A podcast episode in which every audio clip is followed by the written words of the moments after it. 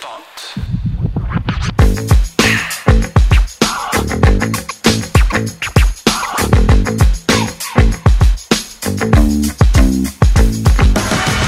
This is Walkie Talkie Podcast. Hello economics, welcome to our podcast. Let me introduce myself. My name is Nevalika Shawina Rahmada, student of Brawijaya University, majoring in Economics, Finance, and Banking 2020. And I'm here with my partner, Ainun.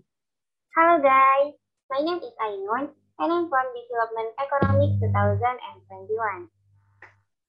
So, we are here for sharing information about the life of new college students and Brawijaya University. Especially in the Department of Economics with our amazing guest star, Zamsha. Halo Zamsha. Halo Zamsya. Hello Kaneva Kainon, and hello everyone. My name is Zamsya Dresani Ramadan. I usually get called Zamsi or Jamji.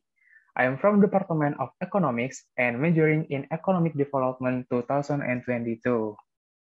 Oke, narasumber kita eh, bernama Zamsyah ya. Oke, halo Zamsyah, gimana nih kabarnya? Untuk kabar aku kali ini alhamdulillah baik-baik aja nih Kak. Nah, untuk kabar dari Kaneva dan Kainun gimana nih? Alhamdulillah pasti baik-baik aja ya kalau dari kamu. Eh, kalau dari aku pasti baik ya kabar aku. Kalau dari Ainun gimana nih?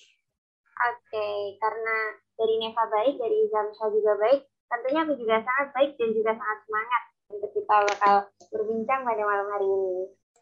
Alhamdulillah kita sama-sama baik semua ya. Eh, terus ini deh, by the way, kamu sekarang tuh lagi sibuk-sibuknya ngapain nih Zamsyah? Untuk kali ini aku sedang sibuk nunggu sih Kak, karena ya tahu sendirilah eh, lagi di masa-masa banyak-banyaknya tugas dari dosen. Nah, lalu aku juga lagi sibuk dengan program kerja program kerja yang dari eh, dari BEM FEBUB karena BEM FEBUB kan minggu-minggu ini tuh lagi banyak-banyaknya proker yang ingin dilaksanain Kak, begitu. Oke, sibuk banget ya. Ada ngerjain tugas, terus ada kepentingan juga di BEM, terus semangat ya. Dan juga kayaknya emang begitu sih kehidupan mahasiswa, terutama di Universitas Brawijaya. Jauh ini keren banget sih, banyak yang diikuti juga.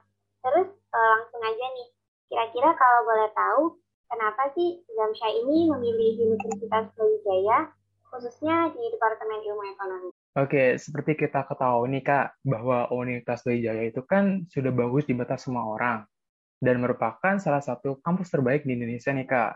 Lalu di sisi lain, aku berlatar belakang dari Jawa Timur, yaitu lebih tepatnya dari daerah yang memiliki Gunung Bromo nih Kak. Ya, pasti Kakak tahu lah daerah mana.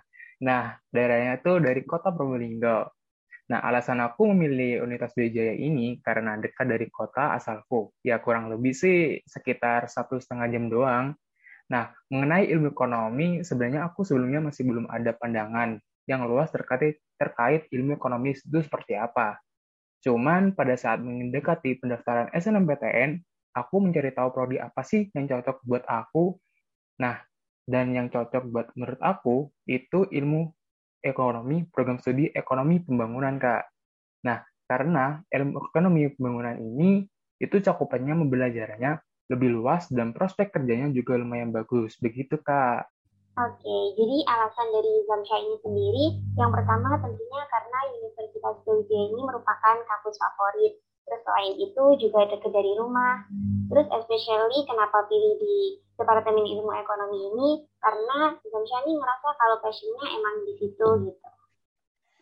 Nah, bener sih, eh, sama milih jurusan ilmu ekonomi itu udah kelihatan banget sih pilihan ter the best menurut aku. Eh, Oke, lalu kan setiap mahasiswa tuh pasti bakal ngelewatin namanya eh, masa ospek gitu ya. Nah, kita, kita mau tanya nih, gi- gimana pengalaman Zamzah selama ospek di UB kemarin itu? Oke, untuk pengalaman ospek dari aku tuh kan dimulai dari ospek Raja Berwijaya tuh, ospek kampus.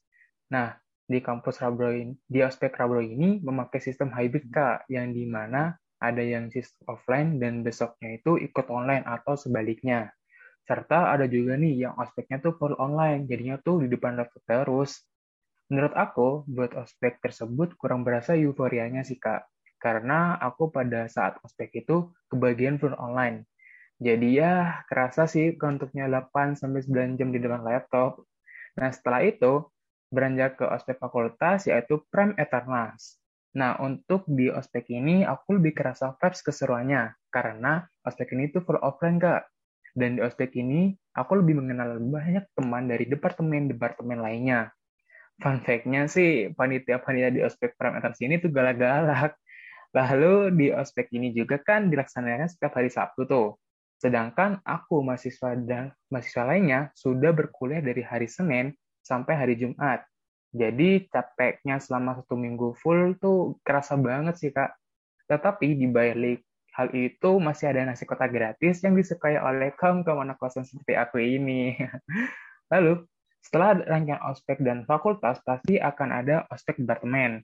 Khususnya di Departemen Ilmu Ekonomi ini mengambil nama Transformer. Di ospek ini kalau menurut bahasa orang Malang tuh paling mantep dan paling jus deh kak karena orang kayaknya pun lebih banyak keseruannya daripada materi-materinya. Dan di ospek ini tuh panitia-panitianya lebih bisa diajak interaksi dan lebih asik, Kak. Begitu, Kak. Oke, udah kelihatan ya tiap rangkaian tuh ternyata beda-beda gitu ya vibes-nya.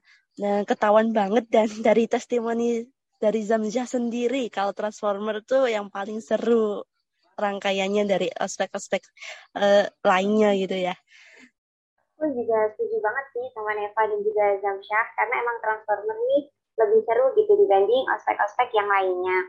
Nah, karena dari Zamsyah sendiri kan udah ngejalanin ospek, terus kita juga udah kuliah hampir setengah semester nih, bahkan sekarang juga lagi minggu-minggu UTS. Nah, dari Zamsyah sendiri, sejauh ini udah ada rencana atau gambaran belum kayak ke depannya tuh mau gimana? Misalkan kayak mau aktif berorganisasi atau ikut lomba dan lain sebagainya. Kira-kira ada kalau dari Zamsyah gimana? Nah, untuk pertanyaan ini, aku ingin bercerita sedikit nih, Kak.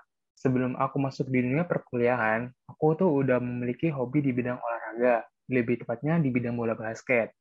Jadi, aku ingin meneruskan bakat itu di Universitas Brawijaya ini, tetapi pandangan aku sekarang masih ingin mengikuti UKM bola basket di tingkat fakultas saja, Kak. Lanjut, pada dulu aku pada di bangku SMA tuh aku sudah aktif berorganisasi dimulai dari tingkat sekolah. Aku tuh udah pernah menjadi ketua OSIS.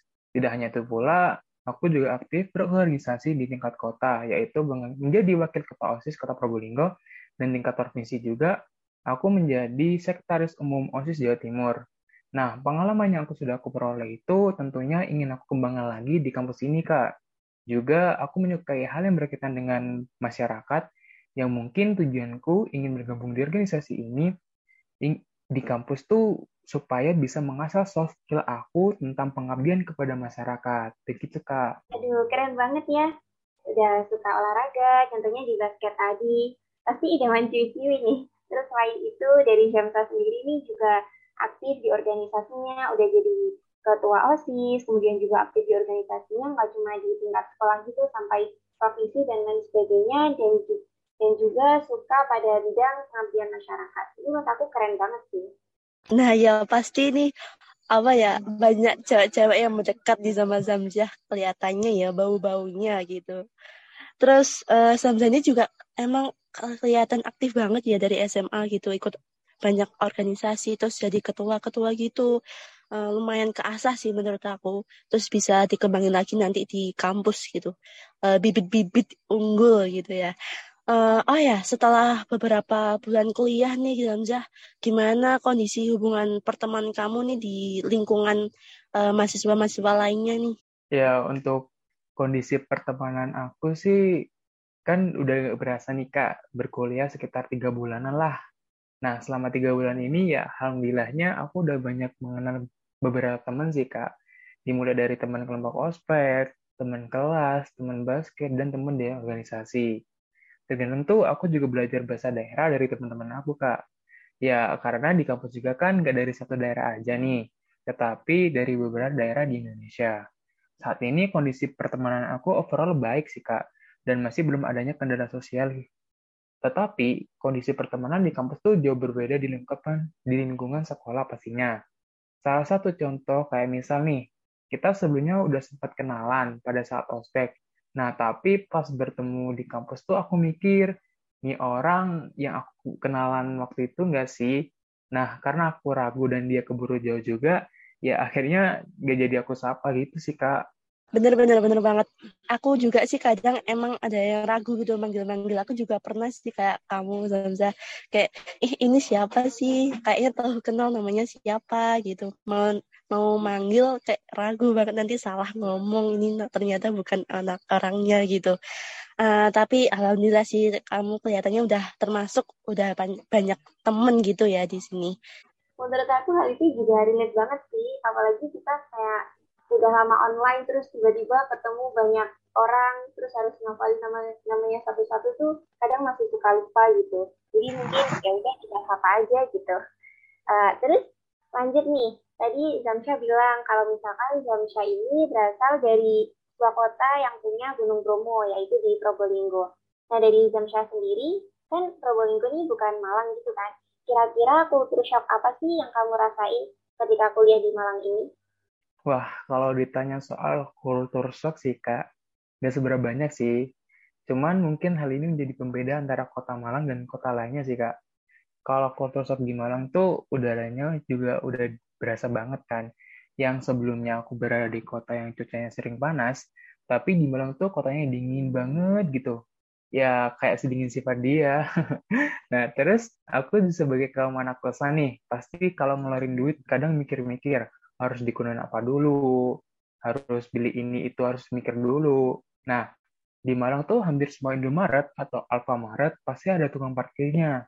Meskipun aku belanja mie doang nih ya, yang mungkin cuma lima menitan, itu tuh langsung ditarik parkir. Dan di situ aku langsung mikir, ya Allah, 2000 bisa buat lauk tahu tempe di warteg. Nah, terus selain kultur di Malang nih, aku juga punya kultur di UB sih, Kak. Nah, kalau di kampus tuh dari segi bahasanya, aku kan sebelumnya kan selalu pakai 24 per 7 pakai bahasa Jawa ya, karena daerahku dari asalnya itu kan dari Jawa Timur. Nah, sedangkan kalau di kampus tuh aku hampir 24 per 7 itu pakai bahasa Indonesia. Terus ditambah lagi, di kampus FEB, jujur aku cuma nemuin segelintir orang yang asli dari Jawa Timur, Kak. Mayoritas di kampus FEB itu anak Jawa Barat semua. Dan kakak pasti tahu kan, bahasa orang gaul, orang Jabar itu seperti apa? Ya, contohnya seperti lo gue atau which deh. Lucu juga nih kultur shocknya. Yang pertama kayak dari cuacanya yang dingin, kemudian emang banyak banget sih di sini ngeluarin uang buat parkir tuh kalau untuk anak kos juga sayang banget, apalagi kalau berkali-kali ya. Terus kalau di kampus mungkin emang bener juga sih kalau misalkan kita dari Jawa terus ke Malang itu khususnya di Universitas Brawijaya itu kan kebanyakan pada anak Jabodetabek ya.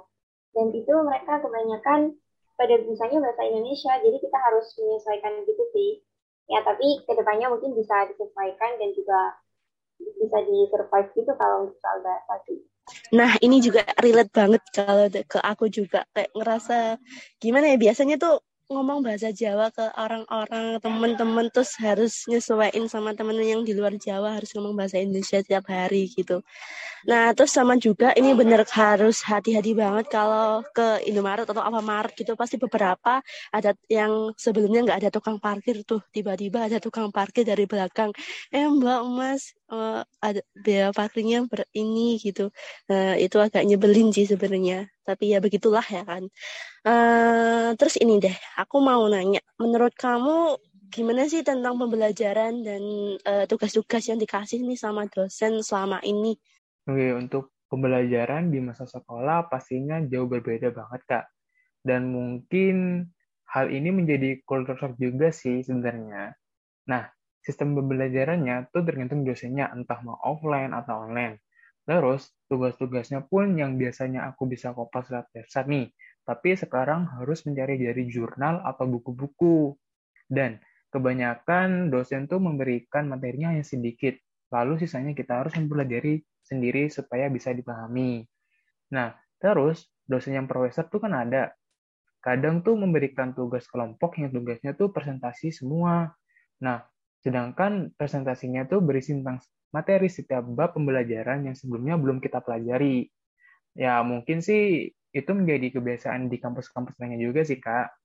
Nah, tapi dari aku sendiri untuk menghadapi hal tersebut tuh tentunya dari niat kita sendiri sih kak ingin mempelajari materi-materi yang ingin diberikan dosen lebih dalam atau tidak. Iya betul betul betul. Uh, kita tuh pasti eh, nggak uh, bisa ya secara penuh tuh ngandelin materi yang dikasih sama dosen pas di kelas aja karena itu kurang banget sih. Uh, terus harus ada niatan belajar dari diri sendiri, belajar di rumah atau belajar di uh, tongkrongan atau di kafe gitu ya. Setuju banget emang kalau di kuliah tuh kita harus menggali ilmu itu sendiri sih. Beda kayak di sekolah dulu yang uh, ditargetin gitu sama gurunya harus belajar ini belajar ini. Kalau di kuliah kita harus cari-cari sendiri nih ilmu buku apa yang harus kita cari buat kita baca dan lain sebagainya. Itu memang harus kita kulik-kulik sendiri gitu.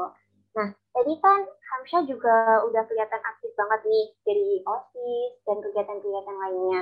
Nah kalau boleh tahu dari Zamsha ini sendiri uh, gimana sih cara buat membangun karakter jadi mahasiswa yang aktif gitu dan juga berani. Oke, untuk cara membangun karakter nih Kak untuk jadi mahasiswa yang aktif. Versi aku tuh yang pertama tuh menguasai materi dan berpikir kritis. Nah, karena se sekecil hal yang diucapkan oleh kita itu menjadi penilaian. Pastinya dosen menilai keaktifan dari mahasiswa jika sering bertanya maupun sering menjawab pertanyaan dari dosen. Lalu yang kedua, mengikuti keorganisasian kampus, Kak. Dalam kegiatan organisasi kampus, pasti ada banyak sekali ilmu yang didapat. Bukan hanya itu pula, kemampuan public speaking kalian juga akan terasa karena sering melakukan interaksi sesama. Nah, yang ketiga, mengikuti kegiatan kampus seperti seminar. Nah, jika kalian yang basicnya nggak suka tentang organisasi kampus nih, nah mungkin kalian bisa mengikuti hal ini. Nah, di mana hal itu bisa membuat mahasiswa bisa membuka wawasan, memberikan motivasi, dan masukan-masukan ilmu. Lalu, yang mungkin poin yang lebih penting dari uh, dari yang tiga hal tadi menurut aku tuh berani dan yakin dengan kemampuan diri kalian masing-masing. Nah, terkadang tuh mahasiswa masih ragu kan untuk mengungkapkan hal yang ada di pikirannya. Jadi, menurut aku, jangan takut berbicara, jangan takut salah, jangan takut diketahui oleh teman kalian. Salah dan benar tuh adalah suatu hal yang mutlak. Jangan pernah ingin selalu benar dan jangan takut salah karena dari kesalahan itu menjadi jauh lebih baik lagi. Lalu, yakinkan pada kalian bahwasanya kesulitan yang akan datang adalah sebuah tantangan, bukan sebuah rintangan. Begitu sih, Kak. Keren banget. Mungkin buat teman-teman pendengar ya podcast Walkie Talkie, bisa dicatat nih beberapa tips dari Zamsyah. Yang intinya, kita tuh harus berani dan yakin dengan kemampuan kita sendiri. Kalau dari awalnya kita belum berani, ya nggak bisa gitu untuk ke depan-kedepannya. Dan kesalahan itu dijadikan sebagai sebuah pelajaran gitu. Kalau kita nggak nyoba, ya malah kita nggak tahu sama sekali. Mending salah, terus diperbaiki daripada nggak sama sekali. Oke, nah ini bermanfaat banget nih buat kalian dan semua teman-teman. Uh, terus selanjutnya sama kita semua nih mau tahu gimana cara uh, bersosialisasi. Nah, tadi kan uh, Zamza udah bilang kan kayak caranya dia di kampus tuh udah banyak temen ini ini. Nah, terus cara bersosialisasi yang baik tuh gimana sih? Cara nge-reach temen-temen uh, baru di kampus menurut Zamzah gimana tuh harus spill nggak sih harusnya biar kita tahu caranya bersosialisasi yang baik gitu oke oke aku akan spill sih kak nah kalau perumpamaan nih, kalau di bahasa Inggris itu kan ada konsep 5W 1H. Nah, untuk menjawab pertanyaan kali ini, aku ada konsep sendiri sih, itu yaitu 3S 1H. Yang pertama tuh selalu jadi diri sendiri. Kunci dari agar dapat kita diterima oleh orang lain harus menjadi diri sendiri sih, Kak. Jangan sampai bersikap atau berpenampilan yang bukan menjadi passion kalian. Karena di dalam pertemanan dibutuhkan adanya ketulusan agar teman-teman kalian menerima kalian apa adanya. Lalu yang kedua, selalu berbaur dengan teman baru. Di saat kalian mempunyai waktu luang di antara jadwal kuliah, usahakan sebisa mungkin kalian meluangkan waktu untuk berkumpul bersama entah untuk menjalankan tugas atau sekedar ngobrol-ngobrol random. Nah, kegiatan tersebut ya nggak harus di kafe juga sih. Kalian juga bisa berkumpul di fasilitas kampus, seperti kantin, taman, atau kalau nggak di FEB tuh basement gedung E sih yang jadi tempat favorit. Nah, Yang ketiga, yaitu selalu menganggap semua itu teman. Nah, maksud dari poin ini, itu tergantung kan kita tuh jika sudah nemuin teman yang cocok atau teman yang sefrekuensi, kitanya pun enggan buat berteman dengan yang lain. Nah, menurut aku, ayo dari sekarang diubah cara berteman kalian, karena semakin banyak teman, entah teman yang cuma baru sekali ketemu, atau cuma sekedar baru kenalan, itu di kemudian hari pun bisa membantu kalian jika kalian mengalami kesulitan. Ya, yang ke poin yang keempat ialah hilangkan pikiran negatif pada pertemanan. Mungkin sebelumnya kalian mempunyai trust tuh di dalam lingkup pertemanan. Nah, untuk hal itu hilangkan saja, karena semua orang tidak seperti yang kalian alami sebelumnya. Semua orang memiliki perbedaan yang berbeda-beda dan tentunya selalu tumbuhkan rasa pertemanan yang baru. Begitu sih, Kak. Wih, iya setuju banget. Eh, emang kita tuh harus jadi diri sendiri gitu ya, jangan dibuat-buat gitu. Terus tampil apa adanya kita selama ini tuh gimana ke orang-orang gitu, nggak pakai karakter palsu gitu ya. Nah, terus sama harus punya rasa percaya diri juga, terus berbaur sama teman-teman. Tapi uh, penting juga harus ngefilter uh, pas milih-milih teman gitu ya, biar dapat teman yang baik juga. Terus sama nggak boleh ngasih uh, negatif thinking ke orang gitu harus positif thinking terus gitu. Nah iya aku juga setuju banget sih. Intinya tadi yang harus disiapin teman-teman kalau misalkan mau bergaul gitu kalau dari versi Hamsha sendiri. Oke okay, uh, eh, sepanjang obrolan kita kali ini jadi menurut Hamsha sendiri uh, poin-poin penting apa aja sih yang kira-kira harus dimiliki seorang mahasiswa baru gimana biar dia itu bisa beradaptasi dengan baik gitu. Dan selain bisa beradaptasi dia juga bisa berkembang nih di lingkungan kampus gitu. Jadi bisa survive lah intinya. Oke menurut aku sih untuk poin-poin penting yang dihang harus dimiliki oleh masa baru tuh yang untuk bisa beradaptasi dengan baik tuh begini kak. Yang pertama jadilah ramah kepada semua orang pastinya kan hal ini sudah sering dilakukan oleh orang-orang yang mempunyai latar belakang sosial butterfly nah Hal ini bertujuan agar seseorang dapat memberikan first impression yang baik, karena cara beradaptasi yang baik dimulai dari sikap kita terhadap semua orang. Lalu yang kedua, mulai untuk membuka diri sendiri. Dalam artian tuh begini, jangan sampai menutup diri kalian sendiri. Cobalah mulai untuk bersikap terbuka dengan lingkungan sekitarmu. Hal ini akan membantu untuk aware terhadap isu-isu yang terjadi di lingkungan kampus, lalu kalian juga akan mendapatkan banyak referensi-referensi dari berbagai orang yang kalian temui. Yang ketiga, jangan berpikir negatif kepada senior atau kakak tingkat nih. Nah, sudah kita ketahui bahwa di kampus kan tentunya bukan angkatan dari kita aja. Tentunya ada angkatan-angkatan di atas kita. Beberapa maba mungkin merasa enggan untuk membaur dengan mereka. Padahal kan manfaatnya dari banyak mengenal cutting tuh untuk memperluas networking dan membantu kita jika merasa kesusahan dalam menginjakan tugas-tugas. Yang terakhir menurut aku tuh temukan dan kembangkan passion diri kalian. Nah, jika kalian mempunyai bakat dan minat, tempat yang cocok ialah di kampus ini untuk kalian bisa berkembang lewat apa yang sudah ada di dalam diri kalian masing-masing. Tapi, jika kalian belum mempunyai bakat atau minat, kalian bisa cari hal apa yang sebenarnya cocok bagi diri kalian. Nah, aku belajar dari pengalamanku sendiri nih untuk kalian untuk kalian semua. Nah, aku memang suka sekali ngomong di depan banyak orang. Nah, suatu ketika aku ditunjuk oleh salah satu organisasi fakultas untuk menjadi MC di program kerjanya. Dan fun fact-nya, aku sebelumnya belum pernah menjadi MC sekalipun. Tapi karena mungkin hal itu menjadi, bisa menjadikan pensiun baru aku, jadinya aku menerima tawaran itu dan aku sukses menjadi MC pada saat itu. Begitu sih Kak untuk menjadi mahasiswa baru agar bisa beradaptasi dengan baik. Keren banget sih beberapa tips dari Zamshain sendiri. Yang pertama kita harus ramah dulu nih ke semua orang, kemudian kita juga harus membuka diri dengan lingkungan sekitar dan juga dengan orang lain, karena dari situ kita bakal banyak dapat pelajaran nih. Kemudian kita juga harus positive thinking. Kemudian kita harus temuin dan juga kembangin passion yang kita miliki. Nah, kalau emang passionnya itu dirasa sampai titik ini belum ditemuin, ya coba dicari gitu. Dan jangan takut buat coba-coba hal yang baru gitu. Karena siapa tahu hal yang belum pernah kita coba itu ternyata passion kita nih gitu. Ada di Zamsha sendiri seperti itu sih, keren banget sih. Mungkin bisa dicatat buat teman-teman semua. Yap, betul banget. Jadi jangan takut nih buat menggali lebih dalam buat passion diri sendiri gitu ya. Uh, terus uh, beri kesan yang baik buat diri sendiri, buat siapa aja yang ditemui gitu.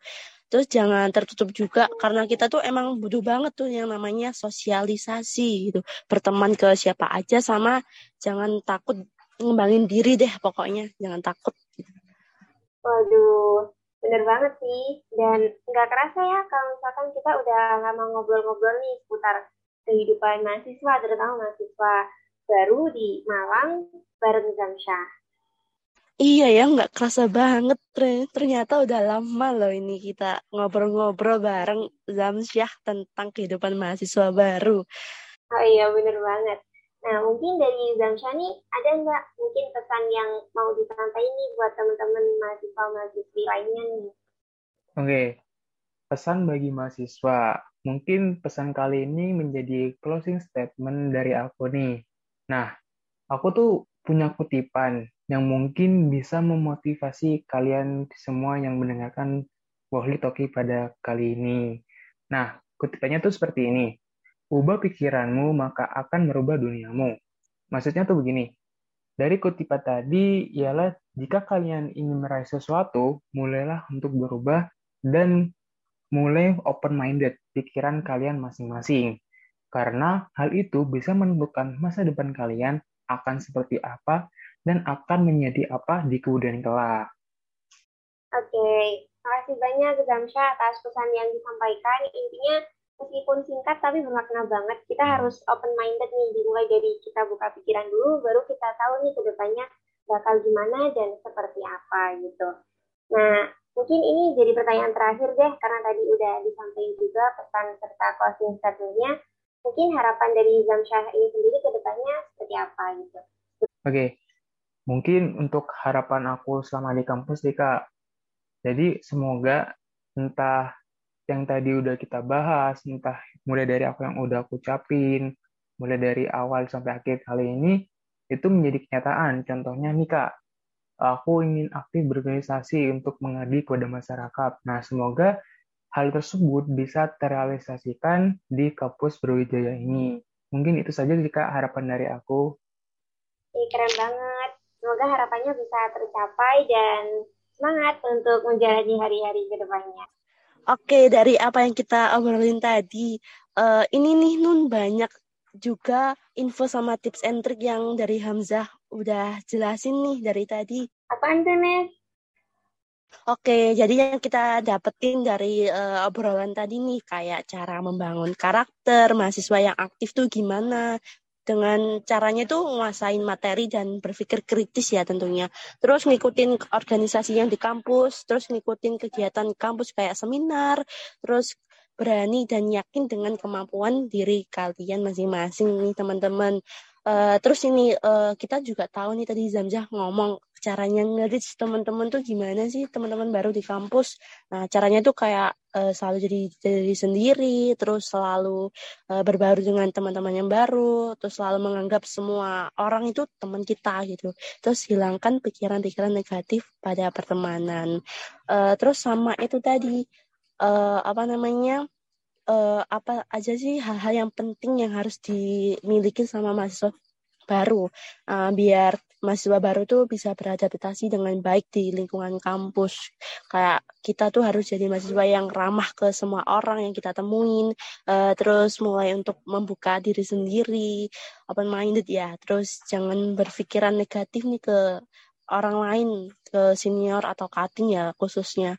Terus sama yang terakhir temukan sama kembangin passion diri kalian teman-teman. Aduh banyak banget ya yang kita dapetin dari hari ini dari sharing bareng Zamsha sebagai seorang mahasiswa baru yang dia tuh juga udah aktif dari sebelum-sebelumnya. Tentunya obrolan kali ini tuh hanya dikhususkan untuk mahasiswa baru aja ya tentunya beberapa benefit yang bisa didapetin dari obrolan ini bisa berguna buat semua teman-teman mahasiswa.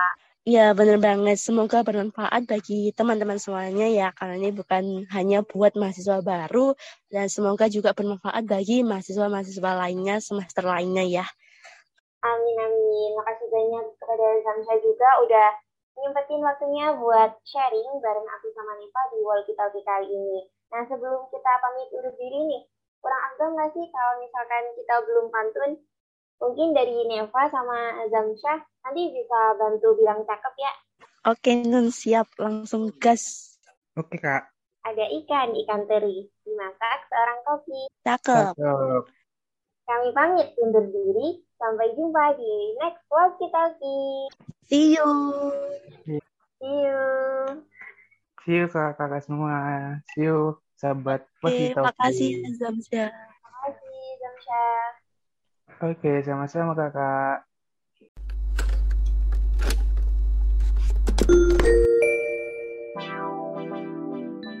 Thank you for enjoying the moment with us through listening this podcast.